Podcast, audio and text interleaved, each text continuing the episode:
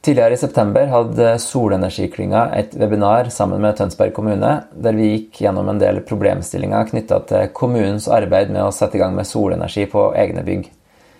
Hva er det egentlig de trenger å vite? Om byggene, om lønnsomhet, om energiberegninger, livssyklusanalyser osv. Vi fikk òg fra Vestfold og Telemark fylkeskommune, som har gått gjennom sine egne bygg med tanke på å vurdere solenergi, ikke bare som et energi- og klimatiltak, men som et motkonjunkturtiltak i koronakrisa. Og Felles for mange kommuner og fylkeskommuner er at første steg på veien fra et vedtak til at solenergi blir bygga, er at man kontakter et konsulentselskap. Og I dag skal vi snakke litt mer om hva som skjer der. Velkommen til podkast fra Solenergiklynga. Og jeg heter Benjamin Myklebust Rød. Og gjesten i dag er Mari Lauglo fra Norconsult. Velkommen, Mari. Takk skal du ha. Eh, kanskje du kan begynne med å fortelle om hvem du er, og hva slags bakgrunn du har? Ja, det kan jeg. Um, jeg heter Mari. Jeg jobber i Norconsult og har gjort det de siste tre årene. Uh, før det så gikk jeg på NTNU, der jeg studerte energi og miljø. Og så hadde jeg et lite utvekslingsår i Italia, eh, der jeg ble engasjert i det her med solenergi. Der har de kommet litt lenger enn oss i den eh, type utvikling. Mm. Ja, spennende. Ok, Så det er Italia som er inngangsporten til, til sol i denne sammenhengen. Og, og, ja, det det. og, så er det jo Du har ikke bare gått på NTNU, det høres ut som trønder, men du sitter kanskje ikke i Trøndelag, eller? Nei, jeg har eh, forvilla meg sørover. Ja. Det mm, ble en tur sørover når man skulle få seg første jobben. Ja, sånn at eh, Nordkonsult har kontorer i hele Norge, og du sitter i Oslo-traktene? Ja, vi har kontorer i hele Norge. Jeg tror vi er oppe i en drøyt 130 kontorer. Eller sånn som det er nå, med hjemmekontor, så er det jo sikkert mange tusen. Eh, men jeg sitter i Sandvika, her hvor vi har hovedkontoret. Der Eh, er det de aller fleste starter da når man kommer litt sånn fersk fra studier. Så veldig hyggelig med litt ungt miljø. Mm. Ok, og så var jo det det som var bakgrunnen for at jeg inviterte deg til podkasten, og at jeg hørte at du hadde et innlegg om liksom, litt mer om eh, hva er det egentlig dere rådgiverne gjør, og, og på hva slags måte er det dere, dere jobber. Veldig mange prosjekter er jo gjennom en liten vurdering fra et konsulentfirma, enten det er som et stort prosjekt i et svært uh, nytt bygg, eller som en sånn vurdering av egne bygg, sånn som jeg nevnte fra, fra fylkeskommunen. Men uh, hva, det, hva slags rolle har dere når, uh, når det offentlige f.eks. skal bygge nye, flotte bygg? Jeg skal svare på det, men aller først tror jeg begynner med å si litt om hva det egentlig betyr å være en rådgiver. For det tror jeg mange lurer på. Mm. Det, det, her med å være rådgiver eller konsulent er et sånn veldig ullent begrep. Det kan være litt vanskelig å forstå, og i hvert fall eh, for dem som ikke har noe erfaring med å samarbeide med rådgivere eller eh, har vært på den sida av bordet fra før av, eller som eh, går på skole. Um, vi som rådgivere, eller konsulenter kalles det jo ofte også, vi, vi har ingen egne prosjekter. Vi, vi driver ikke med noen ting sjøl. Eh, vi har kun det at vi selger timene våre, rett og slett, på en måte som et stort bemanningsbyrå. Der vi selger timene og kompetansen vår til kunder som har prosjekt der de trenger, for Norconsult sin del, teknisk bistand og rådgivning. Og når vi da kommer til liksom, hva betyr det med rådgivning og bistand egentlig, så betyr det i praksis alt ifra at vi hjelper til med tilstandsanalyser, eh, f.eks. går gjennom et bygg og eh, ser på det elektrotekniske anlegget, hvordan det står til der. Vi utarbeider anbudsunderlag. Eh, for, altså, vi utarbeider anbudsunderlag som egentlig bare er en stor handleliste når man skal bygge noen ting. Hva det er egentlig vi trenger. Vi jobber med detaljprosjektering. Eh, og prosjektering betyr jo egentlig bare planlegging. Vi jobber med å lage arbeidstegninger for bruk på en byggeplass, og vi kan jobbe med å følge opp en byggeplass og sjekke at det vi har sagt at skal bli bygga, faktisk blir det. da. Mm. Og kundene våre som kjøper de her type tjenester, Det er typisk byggherrer, altså dem som eier et eh, bygg som skal bygges, eller som skal rehabiliteres. Det kan være entreprenører, eh, altså dem som utfører. Eller det kan eh, være f.eks. selskap som eier og forvalter infrastruktur. Det kan jo da typisk være en netteier i denne sammenhengen. Da. Og så jobber vi da Vi jobber jo rett og slett med det kundene trenger hjelp med. Og det kan jo da være i alle faser av et prosjekt. Fra at man har en idé til planlegginga, altså prosjekteringa, og til kontroll av ferdig utførelse. Mm. Så hvis man drar det her litt over, prøver å dra det over i noe litt kjent, eksempelvis skal man bygge en skole, så starter det Eh, gjerne med at eh, man ser at oi, her trenger vi en ny skole. Den gamle er enten utslitt eller for liten, eller begge delene. Og da kommer ofte eh, rådgiverselskapene inn får jobben med å planlegge det, da. Da, da er Hvis det en, som en skole, da, så er det gjerne en kommune som eier den, eller skal bygge en skole.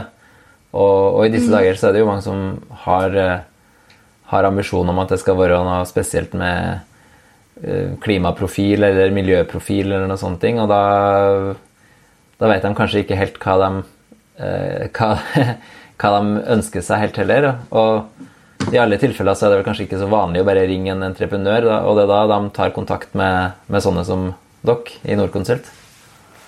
Ja, det er riktig. Eh, de kan ikke bare ringe en entreprenør fordi de vet ikke hva det egentlig er de trenger. De vet at de trenger en skole, men det kan hende at de på det tidspunktet ikke engang vet hvor mange elever den skolen trenger å ha plass til. Så jobben vår kan jo bistå, være, bestå av det at vi finner ut alt ifra hva er forventa eh, elevantall om 10 år, 20 år, 30 år, til det å faktisk planlegge den skolen som er av den størrelsen som kreves. det.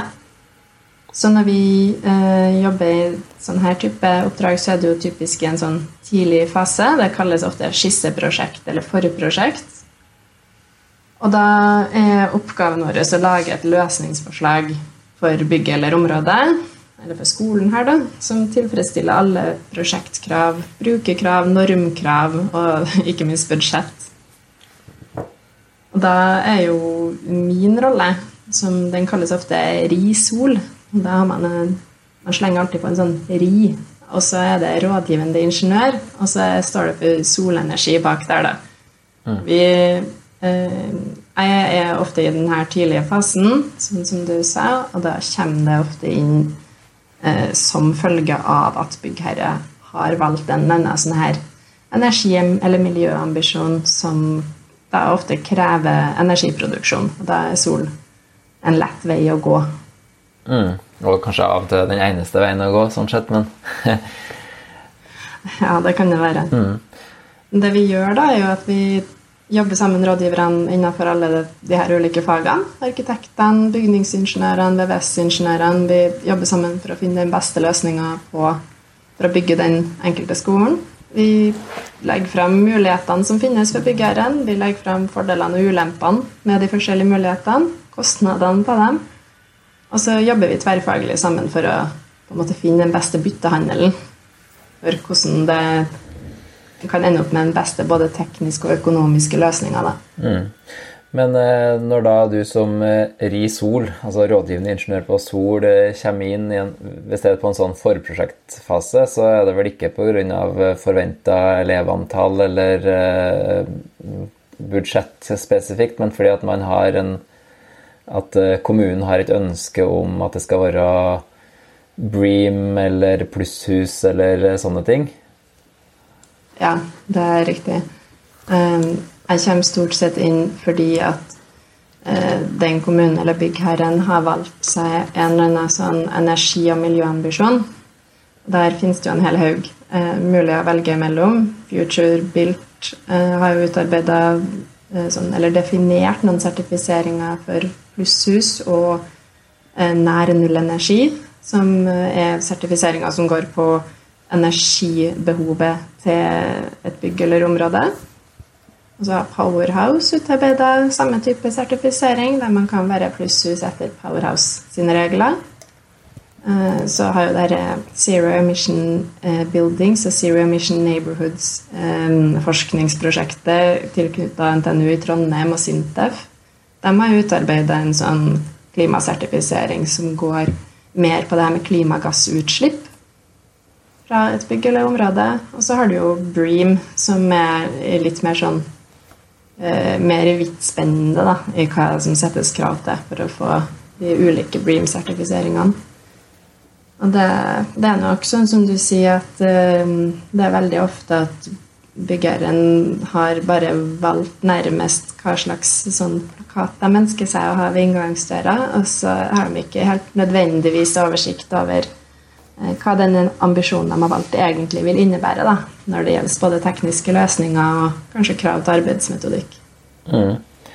Ja, for det er jo kanskje spesielt Bream, som du nevnte, mindre opplagt uh, hva det innebærer, fordi det er så enormt mange parametere. Um, mm. men, uh, men, da er det jo naturlig at dere med energivurderinga at man ender opp med at man trenger sol, men, men samtidig så fra, fra, du blir involvert i en sånn uh, i et forprosjekt, da, um, og, og, du kanskje ønsker deg litt areal på taket for å ha sol, så, så, går det gjerne mange år og enormt mange endringer i prosjektet til det, fram til dette blir bygd, og, og nødvendigvis er jo solcellepanelene nå det siste som, som blir installert. Hvordan sikrer man da at man ikke roter seg bort? Nei, det er et fryktelig godt spørsmål. Og det skal jeg gjerne hatt et enda tydeligere svar på enn jeg har. Um, sånn som jeg sa, så jobber jeg jo i stor grad i tidlig fase. Der vi uh, prøver å sy sammen en løsning uh, for et bygg. Og den tidlige fasen den kan være alt fra tre til ti år før bygget står ferdig. Det vil jo si at den tidlige fasen kan være også mange år før um, bygget i det hele tatt blir påbegynt fysisk. Mm. Og det er utrolig vanskelig å vite da Altså Hvilke produkter kan vi forvente at skal finnes på markedet eh, når de løsningene jeg har planlagt, skal kjøpes inn? Det Solenergi, særlig på tak, kan jo være noe av det siste som skal opp. Du må ha bygge opp og stå først. og Litt avhengig av eh, entrepriseformen, altså hvordan byggherre har valgt å organisere utbygginga si, så kan det hende at man ikke vil kontrahere, altså anskaffe eh, leverandør av solcelleanlegget eh, før nærmest rett før det skal bygges. Og det kan jo da være tre, fire, fem, seks, sju år fram i tid ifra jeg sitter og planlegger løsningene. Da er det dessverre ikke lett å vite nøyaktig verken hva som kommer til å finnes, eller hvilken pris man kan forvente at eh, produktene vil ha. Da. Mm. Riktig. Og så er det vel eh, er det jo en del andre ting òg som man eh, som er andre krav og behov, som f.eks. uteareal på tak eller grønne tak og ventilasjonsanlegg og sånne ting. Er det, er det liksom rift om, eh, om plassen? ja, det er noe som heter Kampen om taket. Eh, det er veldig vanlig at vi har eh, i sånne større utbyggingsprosjekter så har vi jo mye forskjellige typer møteserier som går, og da er det alltid én møteserie som bare heter tak. Mm. Da snakker vi om taket i et par timer hver eneste uke. og da er det i stor grad eh, nettopp det du nevner her med hvordan skal vi få plass til alt det man har lyst til å ha på taket. Eh, særlig skoler f.eks. i tettbygde strøk eller i byene kan jo tenkes at eneste plassen man har tilgjengelig for uteareal, eh, er opp på taket. Da blir det vanskelig når man også har sagt at den skolen skal være plusshus. Det betyr at man må produsere mer energi enn den forbruker. Mm. Det må du ha plass til et eller annet sted. Og så kommer gjerne eh, den som er Rivea, altså rådgivende ingeniør vann og avløp, og sier at ja, men hvor skal vi samle opp regnvann, da? Da mm, begynner vi å måtte klø oss litt i hodet, da. Mm. Riktig. Og så har dere vel en eh, rådgivende ingeniører på, på brann òg, som kanskje har noen tanker om hvordan det skal utformes. Og, og jeg vet dere ser jo en del på batteriløsninger òg. Hvordan henger det sammen? Der klarer vi stort sett å få til veldig gode samarbeid, syns jeg. Dette er jo nye teknologier, særlig batteri kanskje ikke så eh, nytt lenger solenergi for altså alle de andre fagene vi snakker om nå. Eh, der ser vi at så lenge vi klarer å gi nok informasjon, så klarer vi å finne gode løsninger. Det som er vanskelig og kan skape trøbbel, er hvis, eh, hvis de involverte i prosjektet er usikre eller rett og slett ikke vet helt nok. Da. Hva innebærer det å ha batterier i et bygg? Eh, jeg jobber jo med dimensjoneringa av dem, gjerne i tilknytning til dimensjoneringa av solcelleanlegget og den totale eh, lønnsomheten i sol pluss batteri. Eh, men allikevel så ser man jo at det fort kan spørsmålene komme til meg om men hvordan blir det her med tanke på Og så er det både bygningsmessige forhold branntekniske og diverse, da. Det, Så lenge vi da klarer å snakke godt sammen og opplyse. Der har jo klynga også vært uh, god på å lage de her veilederne, uh, som hjelper mye. Og da klarer vi stort sett å finne gode løsninger på det, syns jeg. Mm.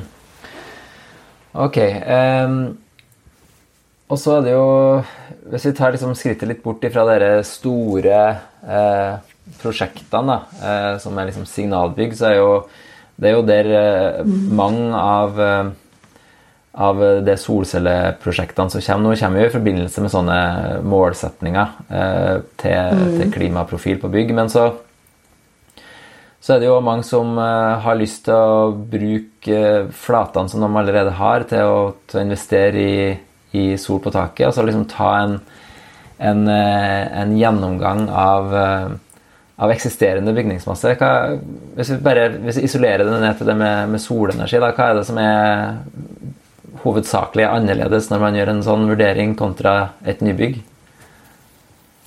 Um, det hovedsakelig annerledes er nok uh, rett og slett det at uh, vi ser ofte på mye friere på saken.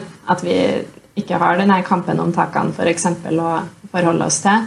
Og så her er det jo en veldig stor forskjell i å vurdere noe som allerede finnes, og som du vet hvordan ser ut, og hvordan det er. Du vet hva slags energiforbruk de har. Det, det vet du ikke når du jobber med bygg som eh, skal bli bygd om fem år, og så bli brukt om sju år. Mm. Eh, hva slags løsninger ikke sant? Hva vil elektrisitetsforbruket være der når det til slutt står oppe? Vi har jo selvsagt gode simuleringsprogram som gir oss en idé. Eh, men dem er jo ikke så gode som virkelige data. Mm. Riktig. sånn at når, når du driver og regner på et, eh, et, bygg som ikke er bygd ennå, så, så, har du selvfølgelig ikke noe erfaringsdata, men det er vanskelig kanskje å simulere òg, for at jeg ikke veit uh, ennå helt hva slags annet valg som blir gjort på bygget. Mens på eksisterende bygg så har vi jo kanskje noen noen konkrete tall fra året i fjor og tidligere? Er det, er det, så enkelt at dere har tilgang på det alltid, eller? Ikke alltid, men vi ber alltid om å få det. Eh, og de aller fleste byggherrer nå ser vi jo at begynner å ha ganske gode sånn EOS, energi- og energioppfølgingssystemer. Mm. Eh, sånn at de har god kontroll på energibruken i byggene sine. Mm. Da kan vi få gode tall på sånn som det faktisk er, og så har man ikke den usikkerheten, da. For i de her eh, nye byggene og store prosjektene der vi bare har simuleringsdata og ikke noen faktiske tall, så er det som du sier, det er mye visst om at men. Og hva skjer i senere detaljeringsfase? Det kan gjøres endringer som endrer noen forutsetninger. Og vi har rett og slett en mye større usikkerhet i den type prosjekt enn vi har når vi gjør en sånn vurdering av eksisterende bygg. Mm. Da ligger alle forutsetningene klare. Mm. Og så nevnte jeg jo at vi hadde et, eh, et, seminar og for så vidt et webinar med Tønsberg kommune. Um, Og det, det kan man se opptak av, som jeg kan lenke til i episodebeskrivelsen. Men der, eh, der hadde jo da Vestfold og Telemark eh, fylkeskommune presentert litt eh, rundt de tilbakemeldingene de hadde fått fra nettopp dere i eh, Norconsult med en rapport du hadde laga, eh, sammen med flere der, om en eh, gjennomgang av deres eh, bygg. Der fylkeskommunen har jo vedtatt at de skal eh, nettopp utrede sine egne bygg for solenergi, sånn at de eventuelt da kan Eh, kan bygge noen solenergiprosjekter, ikke bare som da et klima- og energitiltak, men også som et eh, motkonjunkturtiltak, da, som sagt, eh, i forbindelse med korona. Og da, da, er jo det, som du, som du, var inne på, rollen deres helt annerledes. Men hva er det liksom Hva er det typisk dere bidrar med da, i forhold til om hvis fylkeskommunen bare har sagt at nei, men vi har vi har tre millioner kroner, det vil vi bygge sol for, og så bare sende det ut på anbud til, til leverandørene. Hva er, dere, hva er, det dere, kan gjøre imellom der? Hva er vitsen med oss, rett og slett? Ja, hva er vitsen med dere? uh, vi vil jo kunne gi dem en prioriteringsliste. Uh, og så er det sånn som jeg sier, uh, sa helt i starten, at vi, vi, har ingen prosjekter sjøl. Vi har ikke noe egeninteresse utover at jeg som er engasjert i solenergi, da, har lyst til å få fram gode solenergiprosjekter, så har ikke vi som eh, firma noe Vi har ikke noe egeninteresse eller noe å få ut av at det ene eller det andre anlegget blir bygd. Så man har jo en helt sånn nøytral tredjepartsvurdering, da. Jeg kan ikke foreslå at ja, selvsagt burde du bygge det her anlegget som er nærmest min bedrift og mitt lager, eller noe i den døren. ikke sant? Så man kan se for seg at man kunne ha kommet borti hvis man bare hadde sendt ut noen som har noe eh, egeninteresse. da. Mm. Eh, og så er det jo sånn at vi har eh, Vi kan hjelpe til med å, sånn som vi gjorde her for Vestfold og Telemark fylkeskommune, med å lage en sånn eh, prioritert rangeringsliste over hvor burde dere putte pengene deres. Um, og det vil jo bidra til at man uh, får starta med å bruke pengene der de uh, monner mest. Mm. Uh, både for fylkeskommunen, men òg for miljøet, f.eks. Ja. Men det er jo veldig ofte sånn, ikke bare i forbindelse med sol, men, men nesten alltid når noen noen har blitt bedt om å lage en rapport om noe, da, så blir den, eh, den rapporten blir liksom framstilt som nå har, vi, nå har, vi, bedt om et svar, og vi har fått et svar, og her er svaret. Det er det som gjelder. Men, eh, eh, men det legger jo en del premisser til grunn eh, når dere gjør sånne vurderinger. Hva, hva er det typisk eh, Hva er det som er frihetsgradene i de vurderingene dere gjør, egentlig? Det er rett og slett helt opp til kunde. Eh, for å si det en gang til, vi jobber bare på oppdrag fra kunde. Vi er, kan se på en rådgiver eller konsulent som et verktøy. Eh, der vi, eh, når vi starter opp sånn her type prosjekt, så har vi en god samtale med kunden vår der vi eh, ber dem om input, og hvordan de vil at vi skal regne på eh, I dette tilfellet en sånn her eh, rapport over eh, de ulike byggene til Vestfold Telemark fylkeskommune. Da. Og da er det kunden sin input på hva de vil vi skal bruke av energipris, eh, avkastningskrav, eh, om de har egenkapital, eller om det er lånefinansiert. Eh, alt det her er jo input-data som vil ha mye å si for en sånn her eh, analyse, da. Så liksom det man, man, må jo uansett gjøre en god del eh, antagelser, da. Men, men, hvis det er sånn at det er oppdragsgiveren som på en måte gir dere inputen, så vil jo det føre til at det er litt forskjellige vurderinger som blir gjort hvis f.eks. Eh, Vestland fylkeskommune hadde bedt om en tilsvarende rapport, så kunne de ha fått eh, ganske ulike svar, da? Eh, ja og nei. Vi, vi, gir jo selvsagt vår mening og anbefaling. Eh, og så er det litt forskjellig i hvor stor grad en kunde vil benytte seg av den. Mm. Men vi, vi, sitter jo ikke helt passiv og bare tar imot alle de inndata som vi får beskjed om. Hvis vi får beskjed om å bruke f.eks. en energipris som vi ikke syns henger på greip, så vil man si fra om det. Og har, det er jo en dialog eh, i et sånt oppstartsmøte før eh, denne type vurdering der vi blir enige. Mm. Men ofte så har jo store selskaper eller organisasjoner som en kommune eh, De har jo rett og slett en del krav som er satt av kommunen som helhet. Mm. Eh, men, eh, men, i det her konkrete tilfellet da, så, så, har jo eh, har dere jo vurdert både liksom lønnsomheten for hvert enkelt prosjekt, i tillegg til liksom solinnstråling og uh, taket, rett og slett, da, på, på, ulike bygg, og, og, driftsprofilen og strømforbruket, som du er inne på, som, som, er mye mer mulig å gjøre da, på eksisterende bygg som man har en historikk på. Uh, og i tillegg så har dere sett på klimaregnestykket uh, um, for det her. Uh, men hvis vi begynner med, det rent tekniske først, da, hva er det som liksom er hva er det som er showstopper, eller eventuelt det som gjør at et bygg er typisk godt egnet for solenergi? først og fremst at det tåler det fysisk. Da vi begynte på det oppdraget her, så fikk vi jo ei lang liste over de forskjellige byggene som Vestfold Telemark fylkeskommune eide, eh, som var aktuelle for vurdering. Eh, og så foreslo vi i Norconsult at vi skulle ta med oss en RIB, altså rådgivende ingeniør bygg, som rett og slett starta med å filtrere den eh, lange lista og sa til oss hvordan bygg som fysisk, konstruksjonsmessig tåler solcelleanlegget. Mm. Har den personen vært rett og slett fysisk på befaring på alle byggene, da, eller? Ikke på alle, på noen. Eh, mm. Det er også sånn som vi bestemmer i samarbeid med kunden vår. Og på de byggene der Eh, vi hadde veldig gode data og tegninger og kanskje nylig gjort en rapport på i forbindelse med noe helt annet, oppussing eller noe sånt.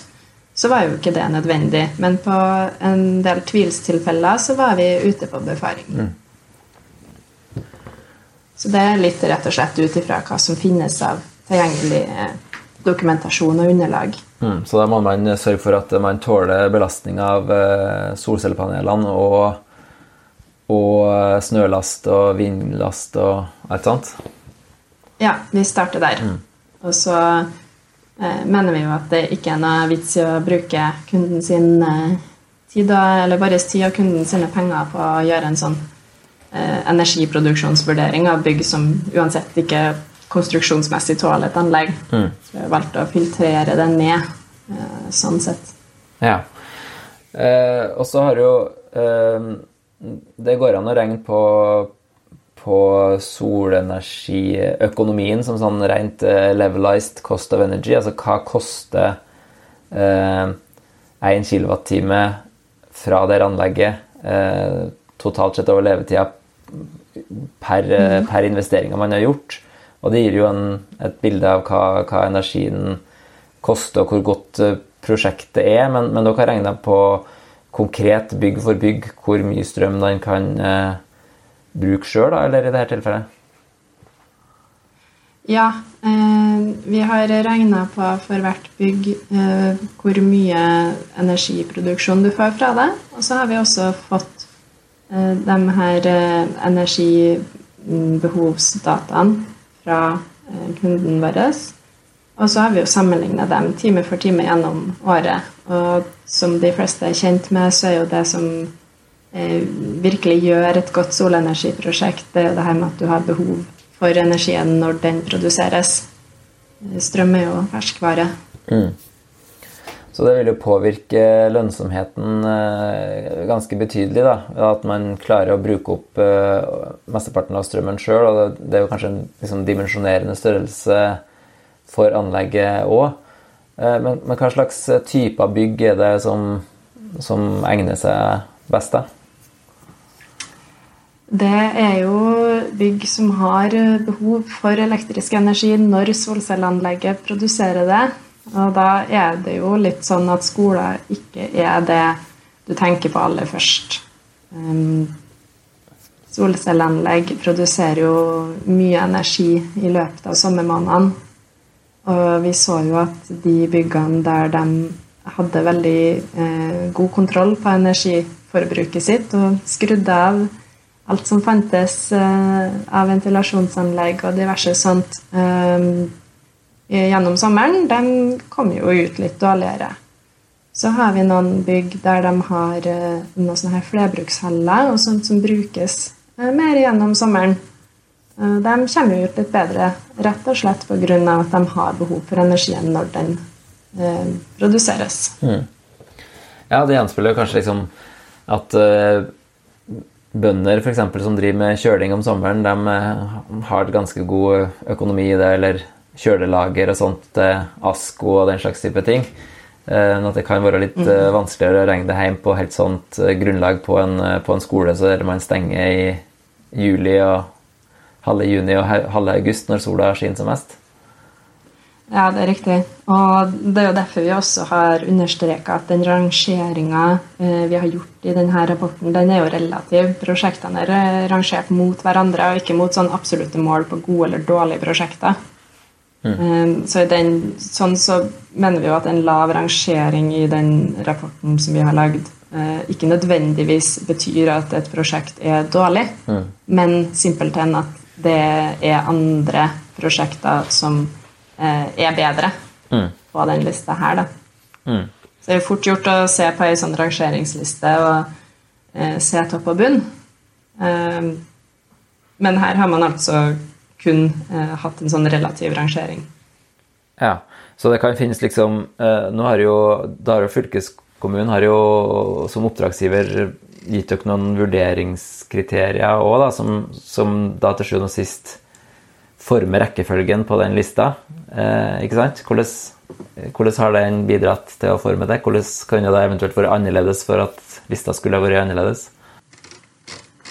Ja, um, det er et veldig godt poeng, det du sier der. Uh, for her har vi jo rangert på uh, i stor grad på uh, altså fire temaer som er gitt vekttall. Og um, da er det energi, det er økonomi, klima og konstruksjon. Um, og her så var det økonomi og klima som var vekta høyest. Mm. Um, med, uh, med, konstruksjon så mener man jo f.eks. altså egnethet, uh, restlevetid på taket. Um, solcelleanleggene regner vi jo med at uh, lever i 30 år. Hvis et bygg tåler solcelleanlegget, men Eh, kun har ei beregna restlevetid før taket. Kanskje må taktekkinga må byttes ut på 20 år, så får den litt sånn lav rangering på konstruksjon. Da, mm. da vektes den eh, litt ned. Og sammen får vi på energi, som har litt lavere eh, vekting. Eh, det går på um, egenforbruk av energi. Mm. Altså hvor mye av det du produserer, som man kan bruke sjøl. Og da er det jo som du sier, at hvis man hadde bytta om på kriteriene eller på vekting av dem, så kunne man ha kommet opp med en annen rangering på en sånn tabell. Så det er ganske viktig når man leser sånne rapporter som det her, og eh, lese gjennom forutsetningene som er gjort. Eh, og også bare, bare, å forstå dem. Mm. Hva det egentlig betyr. Mm. Ja, for at uh, det med klimavurderinga er jo eh, Det er jo flere måter å vurdere det på. At eh, På en måte synes jo jeg dette med solenergi og er ganske enkelt. da, at liksom vi skal elektrifisere masse transport og industri, og vi trenger mer fornybar energi i Norge. Mm. Og da er jo solenergi en av måtene man kan, kan gjøre det på. Uh, og, og, kanskje spesielt en, en uh, fylkeskommune som en regional utviklingsaktør eh, har jo mulighet og, og, kanskje et mandat til å ta et sånt løft på et overordna nivå. Men samtidig så, så, har jo kommuner og fylkeskommuner i, i stadig større grad eh, et klimaregnskap, som jo er et godt verktøy for å eh, vurdere og gå igjennom og systematisere sine egne klimagassutslipp. Og, og det er vel i denne sammenhengen at eh, dere har vurdert eh, eh, solenergi i denne rapporten. Ja, og når man snakker om klimagassutslipp, så altså det er fryktelig vanskelig. Um, hvor skal man begynne? Uh, det ene er jo at uh, man må starte med å ha klart for seg hvordan uh, livsfase det er man vurderer klimagassutslippet. For der er det jo en, en standard som betegner de her ulike livsfasene der man kan vurdere eh, klimagassutslipp for et prosjekt. Og det vi har vurdert, er jo eh, klimagassutslipp i forbindelse med altså etableringa av solcelleanleggene. Hvis man kun hadde eh, vurdert klimagassutslipp i drift, ikke sant, mm. Eh, så ville det jo ha vært null. Det hadde vært kjempehyggelig. For et solcelleanlegg har jo ingen Det er jo ferdig når det er ferdig, det. Eh, men det er jo altså da eh, om man er Det er livsløpsstadiene, om du vurderer klimagassutslipp eh, fra eh, produktstadiet, gjennomføringsstadiet, bruk, slutt. Og det har vi tatt med i den analysen vi har gjort her. Da har vi tatt med klimagassutslipp til råvarer, transport av råvarer, produksjon av komponentene i anlegget. Vi har tatt med utslipp i forbindelse med transport til eh, anlegg. Altså Og vi har tatt med mm, eh, byggefasen. Eh, vi har også tatt med livsløpets slutt, altså klimagassutslipp i forbindelse med riving, transport og avfallshåndtering. Og det er veldig viktig å ha for seg hvordan av de her livsløpsstadiene som er inkludert i en klimagassberegning. For å ytterligere komplisere det, så er det jo sånn at det først eh, nå i dette året har eh, kommet en bedre standard for eh, altså EPD, sånn Environmental Product Declaration, for solceller. Så man har jo ikke vært helt sikker på at man har sammenligna epler med epler tidligere.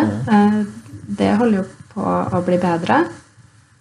Og så har vi jo en en sak som er litt vanskelig å forholde seg til eh, med klimagassberegninger. Det her med at du må jo sammenligne med eh, hva som er eh, klimagassutslippet fra strømmen fra strømnettet. Når du har, hvis du nå først har fått satt alle de her utslippene i forbindelse med de forskjellige livsløpene du har valgt å ta med, og funnet, klart å funnet noen greie tall uh, til å putte inn der òg, eh, i mangel av gode EPD-er, så må du sammenligne med noen ting. Og da er det jo rett og slett så enkelt som at den normen som heter NS3720, metode for klimagassberegninger for bygninger, den eh, angir to forskjellige faktorer den, for beregning av CO2-ekvivalenter fra strøm fra strømnettet. Mm. og eh, de to forskjellige faktorene, de, uh, det er tigangen som skiller dem. For det er, den ene er for norsk energimiks, som det heter. Og så er det en som er basert på en kombinasjon av norsk og europeisk energimiks. Mm. Det er EU28 pluss NO. Og der, eh, der, er det rett og slett en tigange cirka i forskjell, som gjør at man eh, får to veldig forskjellige resultat på eh, hvor bra et solcelleanlegg er i et klimagassperspektiv. Mm. Og det er jo her jeg syns det er veldig utfordrende, fordi at eh, Eller det, det bildet utfordrer jo den, det, det synet jeg presenterte i stad, om at vi skal ha mer energi fordi vi skal elektrifisere transport og industri, ikke sant? Og hvis du bruker et, mm. Eh, et høyt tall på, på, strømmen ifra nettet, så vil det være veldig mm. lite gunstig å, å kjøpe en elbil i stedet for en dieselbil. Eh, fordi du sammenligner med liksom polsk kullkraft, liksom. Og hvis du setter lavt, så er det ikke noe vits i sol, eh, solenergi. Og da, jo, da, er man jo liksom i en liten sånn felle da, der man må, må kanskje vurdere eh, det, det tallene her igjen litt sånn Hvor er det man ønsker å, å gå hen, da? Eh, med de prosjektene man, man har. Hva er, det, hva er, det, man ønsker egentlig å oppnå med solenergi og elbil? Ja, eh, det er fort gjort å kjøre seg litt fast i de greiene her. Og som sagt så har det også eh, å gjøre med det at det er forskjellige livsløpsstadier som man kan vurdere.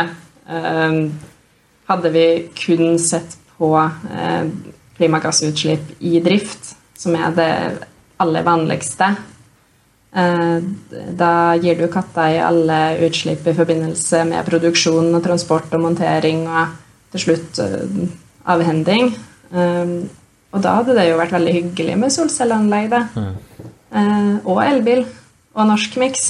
Ja, ja. Da hadde verden sett veldig lys ut. Ja da, og jeg tenker at eh, eh vi, vi, vi, må jo ha fokus på liksom hvor det er vi, vi ønsker å, å være hen, men samtidig så er det jo eh, som du var inne på med EPD òg, at det, er jo ikke bare uklarhet om hvordan man regner på den strømmen du får i stikkontakten fra nettet, men, men, eh, men at det er jo stor forskjell på hvordan solcellepaneler er produsert. Og der har jo òg oppdragsgiver og en, mul en, større mulighet enn før da, til å etterspørre eh, sånne environmental product declarations, sånn at man faktisk er med på å skape både et, et marked og, og, faktisk sammenlignbare tall eh, som gjør det mulig å velge de mest klimavennlige panelene. Da. Ja, det er helt riktig. Og derfor er vi veldig glad for at det nå har kommet en bedre standard for det å lage eh, EPD-er for eh, komponenter i solcelleanlegg, i og med at eh, ja, det er jo mange som Det er enklere å relatere det til elbil, for det blir jo litt på det samme som det her med at det var veldig mange forskjellige måter å regne på rekkevidde på elbilene i starten, før man klarte å Eh, komme seg inn på en, en, felles måte å gjøre det på, sånn at man eh, trygt kan sammenligne de ulike rekkeviddene som de forskjellige produsentene angir. Da. Mm. Og det er jo det vi har vært litt redd for eh, ved å kreve EPD-er på solcellepaneler tidligere, eh, før man har hatt en sånn felles måte å regne det på. At vi har vært litt redd for å eh, ekskludere noen som egentlig eh, er snill i et klimaperspektiv, bare at de har vært veldig ærlige. Mm. Eh, til fordel i worst case da, for noen som kanskje har oppgitt litt for lang rekkevidde i elbilanalogien. Mm. Altså regna litt snilt. Mm. Men eh, hvis vi snur på det, du, du sier jo at du er jo eh, en solenergipromotør. Eh, hva, hvordan skal man egentlig tenke på det da, hvis man som eh, innkjøper av solcellepaneler som skal faktisk få det til? Eh, fordi at liksom, som sagt, Hvis man sammenligner solenergi med, med helt ren nesten nullutslippsstrøm fra norsk vannkraft, så, så, blir det sjelden at man klarer å rasjonalisere og bygge mer fornybar energi. Og det, da, er man jo litt igjen i en, felle, liksom. Men hvordan skal man komme ut av den vurderingsfella? Jeg tror eh, Eller jeg mener at det viktigste er å Hvis man kanskje klarer å ta et steg bort ifra alle de her eh, tingene som er litt lett å gå seg vill i, som eh, klimagassutslipp og hvordan prosjekt som kanskje ser kulest ut, og Eh, kanskje også energi- og miljøambisjoner, selv om de har beste eh, hensikt. Eh, hvis man rett og slett klarer å dra det ned til at det man kjøper seg når man anskaffer et solcelleanlegg, det er et system som produserer energi, et kraftanlegg, og det bør man kjøpe på de byggene der man har behov for kraft. Hvis man klarer å gjøre det tenke så enkelt som at har jeg behov for energi når et solcelleanlegg eh, kan produsere energi? Ja. Ok, da sjekker vi hvor stort vi bør ha det, og så dimensjonerer vi det etter det behovet vi har. Hvis man klarer å komme dit eh, så har man jo bidratt til at man har i hvert fall eh, Man har sikra seg altså energi de neste 30 årene til en pris man vet. Fordi man har allerede betalt for den. Når det er ferdig installert, så er du ferdig så å si med kostnadene. Og du har vært med å avlaste strømnettet, som er der det er forventa at man vil måtte gjøre store investeringer i fremtida. Hvis du har klart å redusere ditt behov for kjøp av strøm fra strømnettet, eh, så har du vært med å bidra til at man slipper kanskje noen investeringskostnader der, da. Mm. Ja, så er det sånn at uh, hvis man, man kunne kommet fram til at et prosjekt er marginalt lønnsomt, eller at det er marginalt ulønnsomt, men begge delene er jo basert på en hel rekke økonomiske antakelser som kan fort være feil når man tenker 10-15 og helt opp i 20 år fram i tid, sånn at man må på en måte ta en litt sånn strategisk eh, vurdering. Og sånn som du presenterer det, så er det nesten som å ta fastrente på boliglånet. ikke sant? Man vet jo ikke om, om det lønner seg, men det kan lønne seg, og det fjerner den risikoen. Ja, det, det, er mine tanker rundt det. Og så er det jo veldig viktig det du sier med at det er analyseresultatet ditt. Eh, det er basert på input-parameterne. Eh, og en av de viktigste der er jo kraftprisen. Eh, når vi regner på lønnsomhet, så regner vi jo lønnsomhet som en funksjon ut av at du har sluppet og kjøpt denne energien fra strømnettet. Og da er jo kraftprisen den største påvirkeren. Og mm, med ei levetid på 30 år, så er det jo jeg vil si egentlig umulig å gjette rett på kraftprisen de neste 30 årene. Jeg vet ikke om du husker I fjor så var det en ganske uh, stor businessmann i Norge som ikke klarte å gjette helt rett på kraftpris. Ja. Hvis jeg hadde klart å gjette helt rett på kraftprisen de neste 30 årene, så hadde jeg jo, hadde jeg jo stått bra i det. Mm. Da kunne jeg vært milliardær. ja, da hadde jeg vært mer enn som så. ja. Så det, det, er nok viktigst å rett og slett vite hvilke forutsetninger man har uh, lagt for en analyse. Mm. Og så kan man uh, prøve å gjøre en sånn sensitivitetsanalyse. Uh, det betyr å se hva som skjer hvis du endrer litt på input-parameterne. Hvis du endrer litt på avkastningskravet ditt, hva skjer da? Er det kanskje det plutselig er lønnsomt? Uh, gjør en liten sånn vri, prøv å endre litt på strømprisen, kanskje. Uh, se hvor mye mer strømmen skal koste for at du plutselig har et anlegg som lønner seg. Mm. Rett og slett bare være bevisst på hva resultatene er bygd på. Mm. Absolutt. Um, og er det noe vi har lært i år, så er det vel at uh, ting kan endre seg ganske drastisk, og at uh, prognoser og, og, tanker om neste år kan, kan slå ganske, ganske, feil ut. Men jeg tror jeg skal takke for denne gjennomgangen eh, fra deg. og jeg tror at uh, flere har fått muligheten til å vite litt mer om hva man kan få fra et konsulentselskap, både i liksom prosjekteringsfase på nye bygg, og hvordan man kan eh, gå gjennom eksisterende bygg med tanke på, på sol.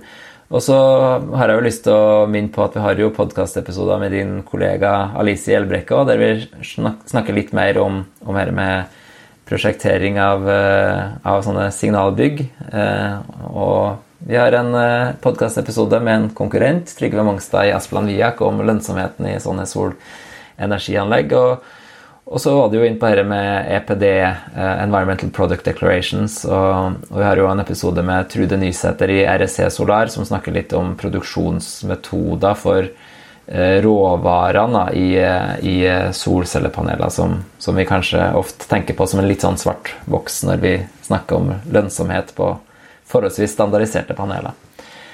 Så tusen takk for uh, i praten, Mari. Så lykke til. Takk for at jeg fikk komme. Takk.